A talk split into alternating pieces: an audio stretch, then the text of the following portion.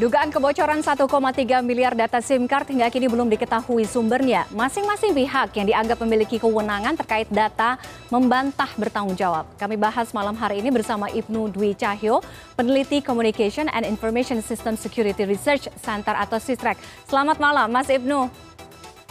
Selamat malam Mbak Tiffany. Iya, kami juga bisa. sudah terima kasih Mas Ibnu sudah bergabung malam hari ini. Kami juga sudah coba untuk uh, menghubungi uh, juru bicara dari Kominfo untuk bergabung dalam diskusi kita malam hari ini. Namun sayang sekali belum bersedia untuk bergabung dengan diskusi. Uh, Mas Ibnu, kita kita sesuai dengan judulnya ya. Ini 1,3 uh, miliar uh, dugaan data yang bocor. Siapa yang tanggung jawab? Uh, kalau saya lihat berdasarkan peraturan Menteri Komunikasi Informatika nomor 12 tahun 2016 tentang registrasi pelanggan jasa tele telekomunikasi, ada pihak dari operator seluler. Kemudian ada menteri untuk keperluan kebijakan bidang telekomunikasi, ada Dukcapil, kemudian ada BRTI Badan Regulasi Telekomunikasi Indonesia, tapi memang uh, pada 2020 sudah dibubarkan oleh presiden sehingga tugas dan kewenangannya dilimpahkan kepada Kominfo. Namun, lembaga-lembaga atau pihak-pihak yang ada dalam peraturan ini semuanya membantah sumber atau bertanggung jawab dalam dugaan kebocoran data 1,3 miliar ini. Tanggapan Anda? Uh, luar biasa ya. 1,3 miliar itu banyak sekali. Banyak. Eh, banyak sekali. Dan di sampel itu kan ada sekitar kalau nggak salah sejutaan ya. Dan memang kita cek, kalau kita cek itu ternyata memang datanya itu valid. Meskipun tadi uh, Kominfo kan bilang ada yang nggak cocok segala macam.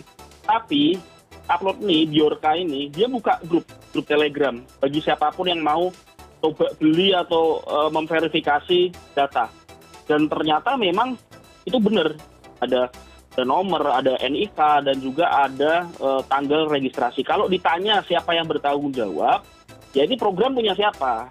Programnya ini kan punya Kominfo. Mm. Dan kalau kita lihat datanya itu kan nggak hanya satu provider, tapi banyak lintas provider nih, banyak hampir mungkin semua provider kayak gitu. Nah, artinya kalau provider itu disalahkan, provider juga pasti nggak mau disalahkan karena datanya ternyata ya semua provider kayak gitu artinya ini data terkumpul di satu tempat saat ada proses registrasi seperti itulah ini siapa kalau menurut Permen Kominfo nomor 20 tahun 2016 ya hukumannya itu kan salah satunya diumumkan ke publik. Betul. Kayak gitu. Oke Kominfo udah udah umumkan kemarin.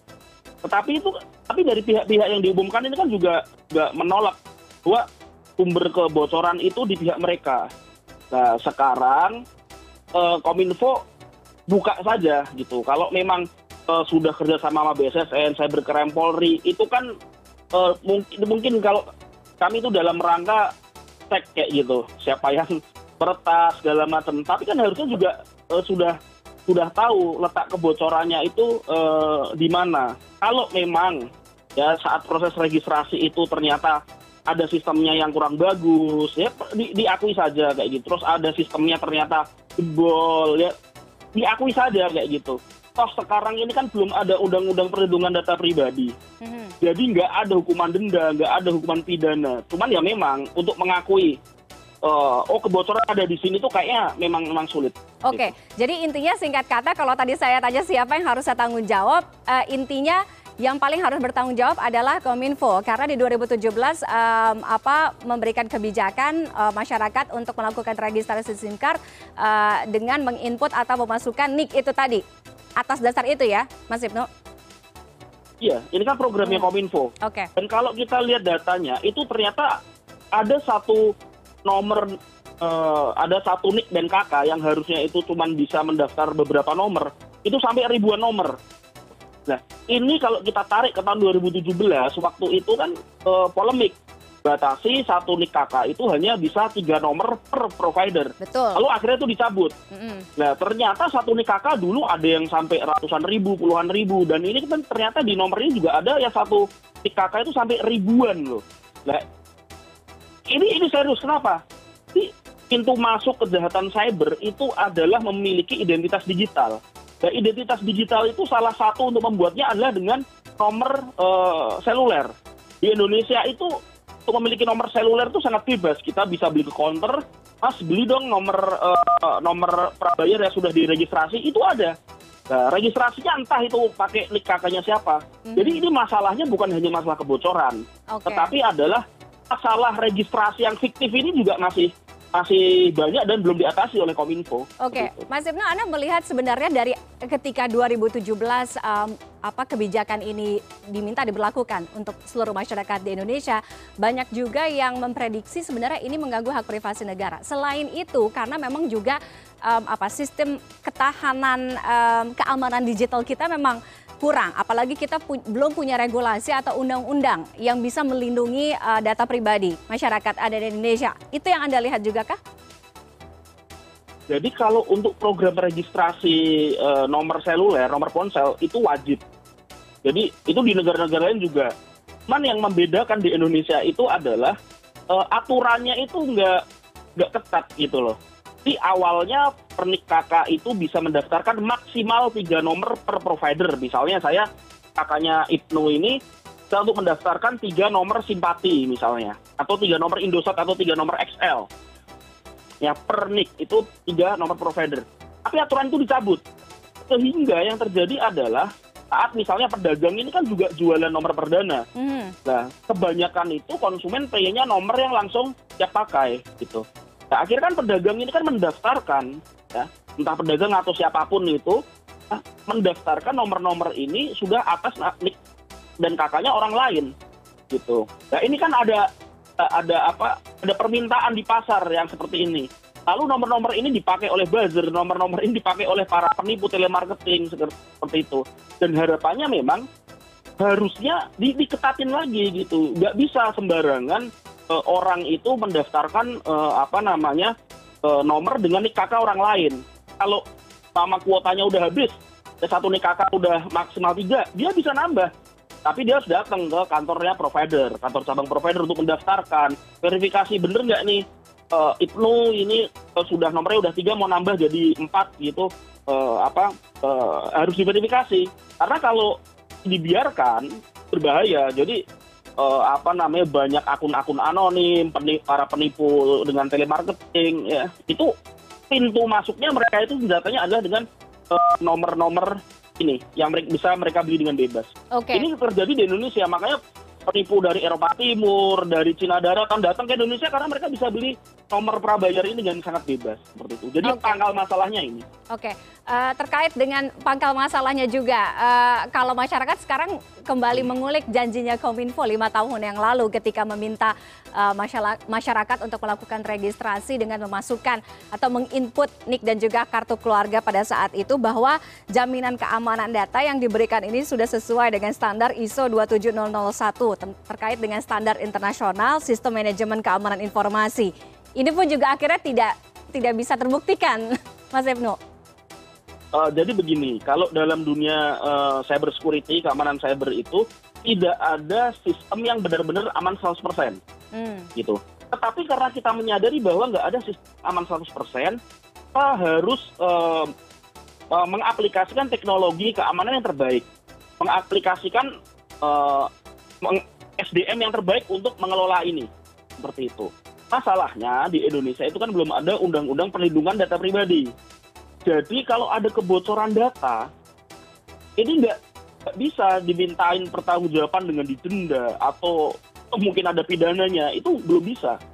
Ya paling eh, kalau apa ya paling maksimal itu lewat Permen Kominfo eh, nomor 20 2016 itu Mhm. diumumkan ke publik lalu dihentikan sementara operasionalnya. Tetapi kan kalau kita lihat dari berbagai kebocoran data yang sudah terjadi di Indonesia, itu kan nggak ada yang diberhentikan sementara itu kan eh, eh, nyaris tidak ada seperti itu. Yang ada kan pemblokiran itu segala macam. Bukan karena masalah kebocoran data. Jadi memang eh, kalau kita mau apa namanya kita mau tegas, memang undang-undang perlindungan data ini harus segera dikebut Hmm. dan isinya itu nggak boleh masuk angin. Nah, nanti ada komisi PDP, namanya Komisi Perlindungan Data Pribadi. Kalau kami ya di masyarakat tuh harapannya Komisi PDP ini nanti kekuatannya sama dengan eh, setara dengan KPK, Komnas HAM seperti itu. Mereka ini yang nanti akan menentukan kalau ada kebocoran data, apakah si eh, apa PSE ini yang mengelola data dan memproses data ini dia bersalah atau tidak? Oke, apakah mereka itu sudah eh, mengimplementasikan standar teknologi yang sesuai. karena begini kalau mereka udah mengimplementasikan standar teknologi yang ada yang diamanahkan oleh undang-undang tapi tetap bocor ya di situ tidak salah seperti Oke. itu. Baik kalau dalam proses eh, investigasi ternyata kita sudah mengimplementasikan tetapi kok teknis hari-harinya tuh nggak bagus lah ini juga bisa dikenai.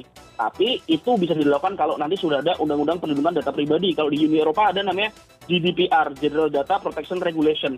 Ini di ha- hampir semua negara maju ini sudah sudah diberlakukan Oke.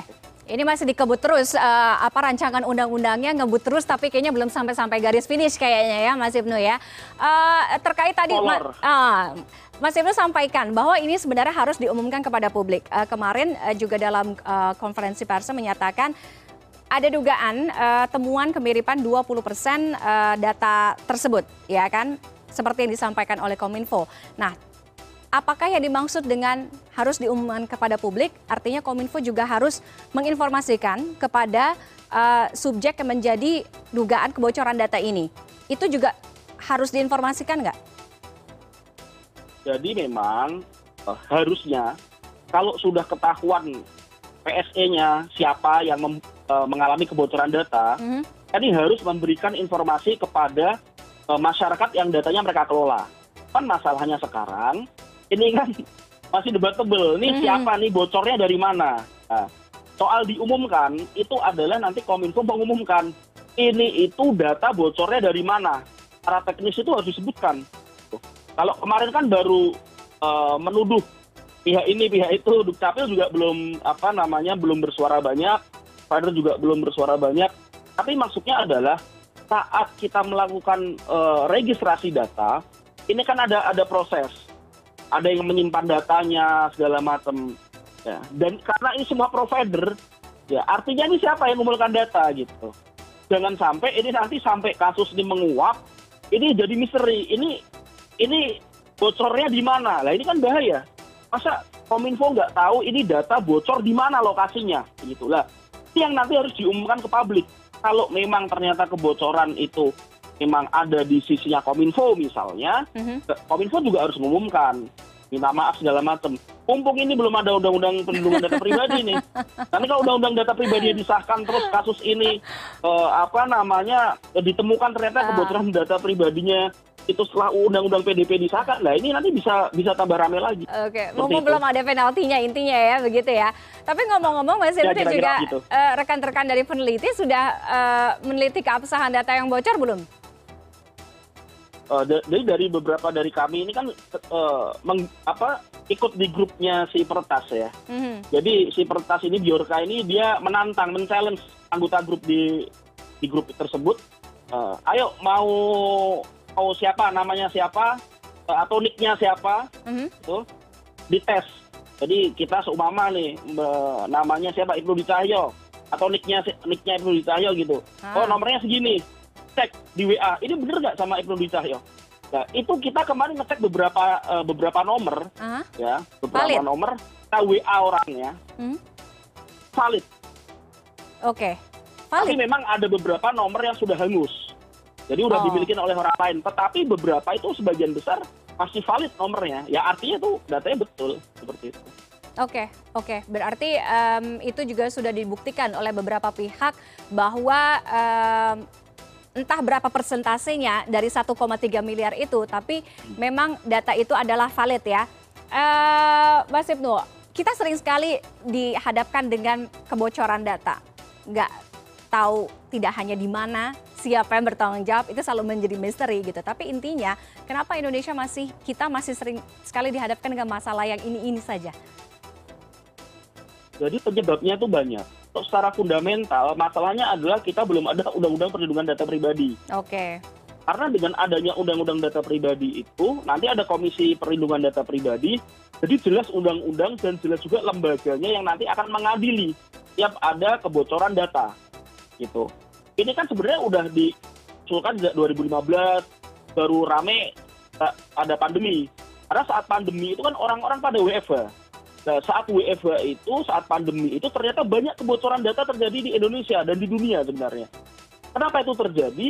Karena misalnya banyak pegawai itu yang kerja dari rumah, pembuka atau dari kafe membuka sistem perkantorannya itu atau sistem di uh, kantornya itu dari rumah atau dari kafe yang nggak ada pengamanannya sama sekali. Nah, dari situ ada orang masuk seperti itu. Jadi oh ini masalah edukasi. Ini kan masalah baru di di di, di Indonesia. Hal baru untuk masyarakat itu hal baru. Dari uh, apa dari para uh, pegawai ini nggak tahu, lalu juga manajemennya nggak tahu, hmm. lalu bos-bosnya ini nggak tahu apa krusialnya keamanan data itu sehingga akhirnya saat WFH itu kemarin memang banyak pertasan di seluruh dunia memanfaatkan orang-orang yang mengakses kantornya itu dari rumah, tidak diberikan teknologi semacam namanya zero trust hmm. atau AC. Kita cuma dikasih laptop, nggak ada pengamanan, mereka buka dari rumah gitu. Ini kan beda. Jadi seperti ini. Lalu yang kedua, uh, memang masalah dari stakeholder kita itu masih asing dengan namanya dunia cyber dan keamanan data. Baik DPR maupun pemerintahnya itu sama-sama saat menggodok undang-undang perlindungan data pribadi kesulitan. Nah, beberapa kali saya hadir di pengadilan menyaksikan kasus uh, terkait dunia cyber. Uh, para penegak hukumnya, entah hakimnya, itu juga masih sangat asing dengan hal-hal semacam ini keamanan data terkait apa teknis-teknis di dunia cyber. Jadi ini memang uh, butuh waktu karena memang ini hal yang sangat baru. Regulasinya sang, masih sangat jauh, ber, masih sangat kurang. Lalu juga SDM kita itu bisa dibilang kita juga masih sangat kurangan banyak. Okay. Bahkan di di TikTok itu sempat ramai salah satu uh, talker itu influencer dia bilang uh, lulusan IT banyak yang nggak bisa tentang keamanan cyber, nggak bisa tentang coding dan segala macam. Hmm. Nah ini kan artinya kritik buat uh, buat buat buat semua pihak seperti itu. Padahal okay. sekarang eranya semua terdigitalisasi. Nah, ya baiknya selain undang-undang kita juga harus menyiapkan SDM. Iya, iya um, kita akan uh, lihat bagaimana perkembangannya siapa yang akan dengan jantal mengaku bertanggung jawab dan bagaimana bentuk pertanggungjawabannya. Intinya memang ini harus menjadi catatan serius uh, ke jangan sampai masalah ini seperti yang sudah-sudah mungkin hanya memuai begitu saja tanpa ada kejelasan bagaimana solusinya ya. Terima kasih Mas Ibnu Dwi Cahyo sudah bergabung dengan kami malam hari ini. Selamat malam, sehat selalu. Selamat malam Mbak Tiffany.